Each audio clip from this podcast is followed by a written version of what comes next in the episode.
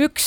üks kõneainet pakkunud teema on ju äh, erinevad teleteenused, mobiilse, mobiilandmeteenused ja, ja selle tarbeks,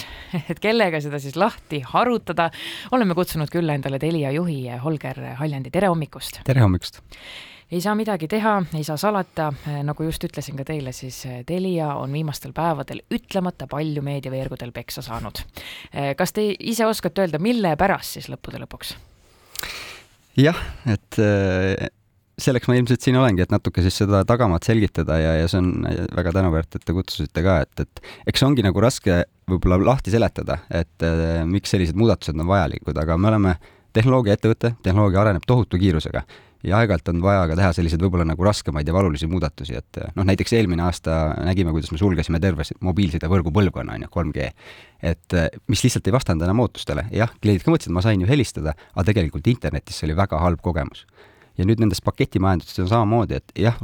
põhimõtteliselt ju saab hakkama nende väikeste mahuliste pakettidega, kui me vaatame näiteks, ma ei tea, võtsin täna hommikul Postimehe uudisteportaali lahti, enamus uudiseid on videotega. nii kui ma neid videoid vaatama hakkan, mu väiksed mahud jooksevad kinni, jälle halb kogemus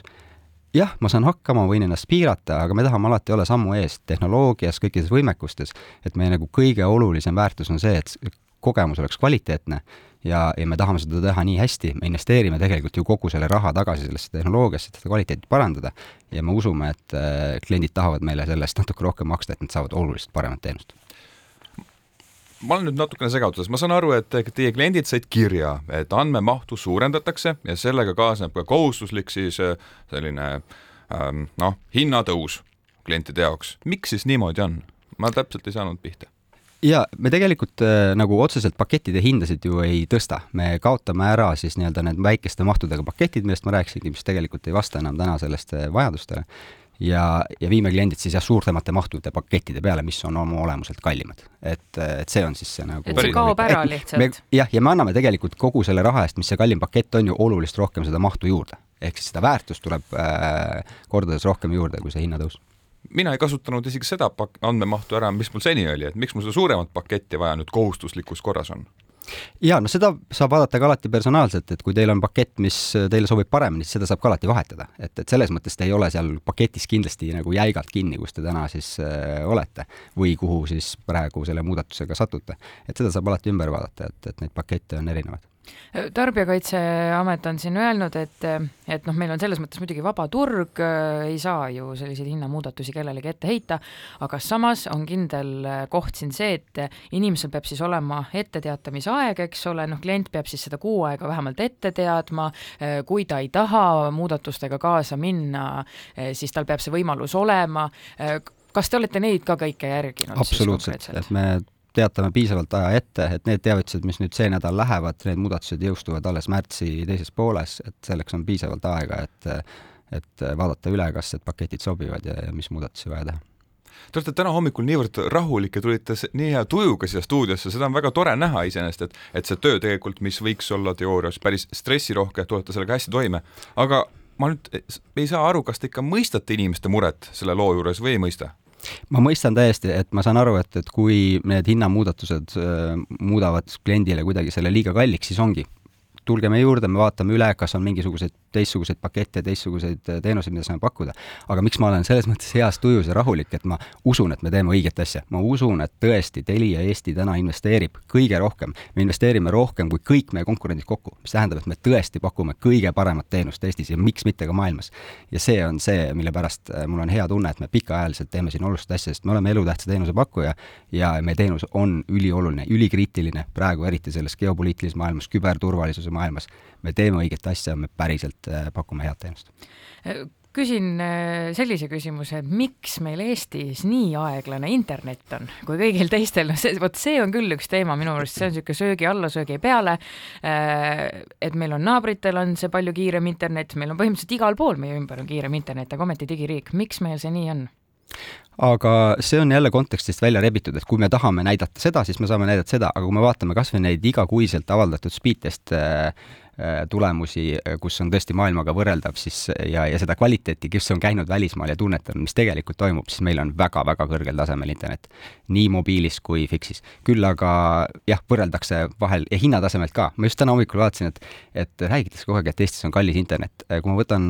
sellesama mobiilipaketi, siis näiteks perepaketid, mida me pakume mobiilses elus,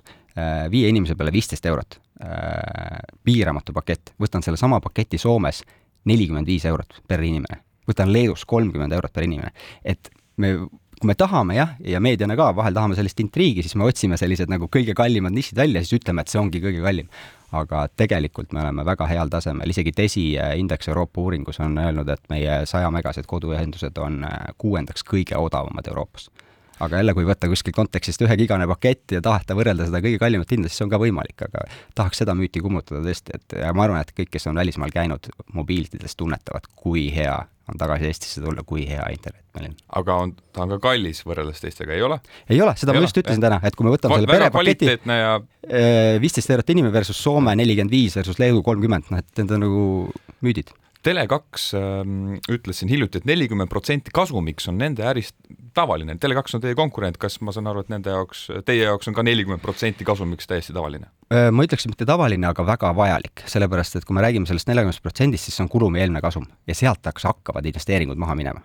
ja, ja kui me vaatame nii-öelda puhaskasumi marginaali, siis see jääb meil ikkagi sinna kümne-viieteist kandi. ja see on selleks vajalik, et me oleme tõesti sellises hästi investeeringukriitilises, infrastruktuuri kriitilises äris. et kui meil on näiteks mingisugused ootamatud investeeringud, on see siis mobiilse võrgu vahetus, nagu meil just toimus, või küberturvalisus, mis on tohutult kasvav, siis meil peab olema see puhver, et me saame investeerida, me saame seda kvaliteeti tagada. Et see on nagu number üks, kuna elutähtsa teenuse osutajana meil on see nagu ülikriitiline, et meil oleks see investeerimisvõimekus just enne lugesime ette ühte uudist, kuidas ühistranspordi ähm, üks äh, juht ütleb, et äh, pensionärid ja õpilased võiks hakata bussisõidu eest maksma. ja arutlesime, naersime selle üle, et vahel tundub, eks ole, et sellisel ajal, vaadates meie majandusseisu, tarbijahinnaindekseid, äh, just tulumaks või kakskümmend kaks protsenti, kõik see, ja nüüd Telia teeb ka siis endale, teeb uus tasu, eks ole, ma saan aru, arve lahti tegemise tasu on nüüd olemas, siis on mingisugused paketimuudatused. no aga te, kas te siis kas te teadlikult praegu, kui te teete selliseid muudatusi, et te mõtlete ka, et noh, eks inimestel on hästi raske, kas te adute ka seda, et tõenäoliselt te saate ju täieliku sellise viharahe kaela ja teil ei ole mitte ühtegi fänni tõenäoliselt nendel otsustel? Ma tõesti mõistan seda, aga ma siiski usun, et, et sellist nagu pikaajalist vaadet omavad ka ja see oluline, et me tõesti jätkaksime oma investeeringuid ja pakuksime seda kvaliteetset teenust, sest et ega seesama, mis mõjutab nüüd sedasama inflatsiooni siin maailmas, millest te rääkisitegi, et mis on siis teiste hindasid kergitanud, kergitab ju ka meie sisendhindasid. iga investeeritud euro maksab meile, annab meile vähem väärtust. Et kõik meie arenduspartnerid, kõik meie sisendhinnad, kõik mõjutavad meid täpselt samamoodi, palgakasvud, meie inimesed, spetsialistid, et, et see on tõesti selles mõttes selline majanduse vaates selline nii-öelda keeruline probleem, seepärast et kui üks, ühed hinnad hakkavad tõusma, siis ju kõik teised peavad kaasa tõusma, sellepärast et kulubaas on, on kõigil, mida peab katma. Ja aga ma usun, et äh, praegu meie suhtes küll, äh, et ma tahakski, et inimesed ka saaks aru, kui oluline on see, et, et me oma investeeringusvõimekust säilitaksime, et me saaksime kvaliteetset teenust pakkuda, sest et see on lõpuks see, mis on äh, meie jaoks kõige olulisem kas juba suhtekorraldusfirma on juba palgatud, kes sellise positiivse kampaania noh, nende uudiste järele kuidagi püsti paneks? No ma arvan, et, et meil leidub väga palju ägedaid positiivseid kampaaniaid ja, ja pakkumisi, et ja me panustame ka ju ühiskonda ikkagi väga tugevalt tagasi, et, et kuna me oleme selle digitaliseerimise eestvedajad, siis kasvõi see, et, et kuidas seda digilõhe vähendada, et, et kogu meie jõulukampaania näiteks oli üles ehitatud selle peale, kuidas aidata vanemaid inimesi hakkama saada, kuidas seda turvalisusega tegeleda, privaatsusega tegeleda, et, et, et me tahaks loota, et me ikkagi teeme õiget asja siin Eestis. kui tohib, ma nüüd põikaksin hoopis teisele teemale. Äh, nimelt siis Euroopa Liit on aastaid noominud Eestit, et me seadusega kohustame telekomi ettevõtteid kõnesid salvestama, hoiustama äh, erinevaid andmeid, seda, mida siis meil, teie kliendid teevad ja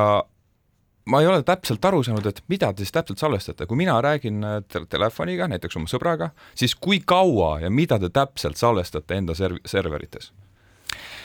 Ei, me kindlasti ei salvesta kõikide inimeste kõnesid ja sõnumeid, et, et seda, seda me kindlasti ei tee. kui Euroopa Liit hakkab selle nagu kohustust meile peale panema, siis me ka esmajärjekorras kindlasti tahaks nagu argumenteerida, et see ei ole nagu vajalik ja see ei ole klientide huvides, et me tahame siin seista ikkagi selgelt klientide privaatsuse ja turvalisuse eest. et sellised üle nagu ebamõistlikud regulatsioonid on ka asjad, noh, mille vastu me siis oleme nii kaua kui võimalik ja, ja, ja arutame nendega, kuidas saaks nagu mõistlikult ja paremini et aga kui mingisugused sellised regulatsioonid kehtestatakse, eks me peame siis nendega nii-öelda leppima, aga, aga täna sellist, sellist ei ole. kui politseil on tagantjärele tarvis mõnda kõneväljavõtet, siis see on tegelikult ju võimalik? jah, on võimalik võtta neid kõneväljavõtteid nagu, et kuhu helistas kes ja millal, aga sisu, aga, aga sisu tagantjärgi ei ole võimalik. kui kaua aega tagasi on politseil võimalik küsida siis teilt siis seda, et kes helistas kuhu ja millal, kas on see kuus kuud, aasta? Äh, jah, see on hea küsimus peast nüüd, umbes kuus kuud või aasta, täpselt nii, nagu ta regulatsioonis kirjas on. Läheksin korra ikkagi tagasi selle paketi teema juurde, mille, millest me siin ka alustasime, et Telia on saanud palju kriitikat. kuidas on nüüd lood klientidega? pean silmas, et Telia on ise kommenteerinud meediaveergudel, et te nagu ei muretse justkui sellepärast, et kliendid nüüd ära jookseks, sellepärast et konkurentide juures on odavam. aga mis, mis on praegu tunnetus, kas on hakatud ära jooksma või pigem ikkagi üldse mitte?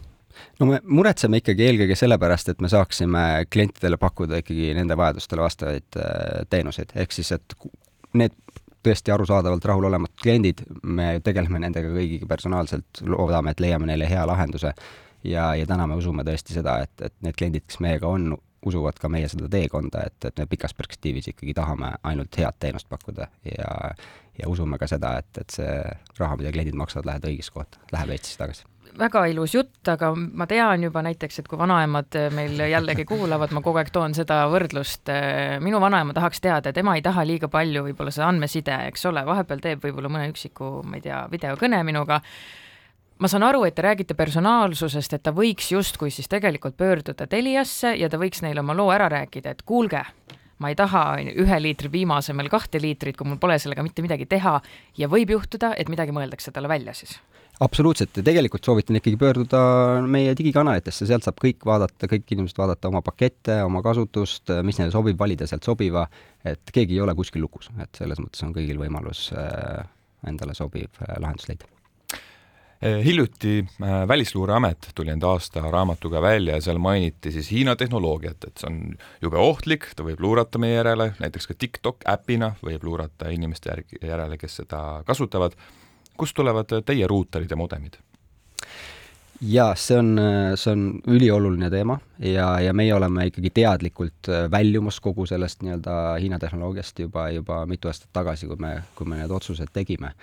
ja, ja, ja, ja tõesti need TikTokid ja asjad, vot see ongi see päris probleem, mis tegelikult nagu maailmas nagu valitseb, kus me tahame tõesti seda klientide nii-öelda teadlikkust kasvatada, lahendusi pakkuda, eriti äriklientidele kogu seda küberturvalisust, neid rünnakuid on iga päev aina, aina rohkem ja, ja see on ka see koht, kus on meie vastutus, meie roll selle digiühiskonna nii-öelda keskpunktina Eh, neid investeeringuid tagada ja neid lahendusi pakkuda, et, et kus, kus kohast tulevad, kust need modemid tulevad, ma igaks juhuks küsin, et kas teil on pigem eh, ikkagi need Huawei eh, ja mis need erinevad modemifirmad on, ma ei teagi. Aga.... ei, Huawei ruutereid ei ole kodudes, me ikkagi pakume jah, me ikkagi katsetame läbi kogu grupiga nii-öelda, analüüsime läbi, vaatame, kust, loomulikult me ei saa välistada seda, et mingid komponendid on Hiinas toodetud, see on lihtsalt täna paratamatus aga, aga need, mis on ikkagi teada, koostöös siis nende julgeolekuorganitega, nende soovitustest lähtuvalt me oma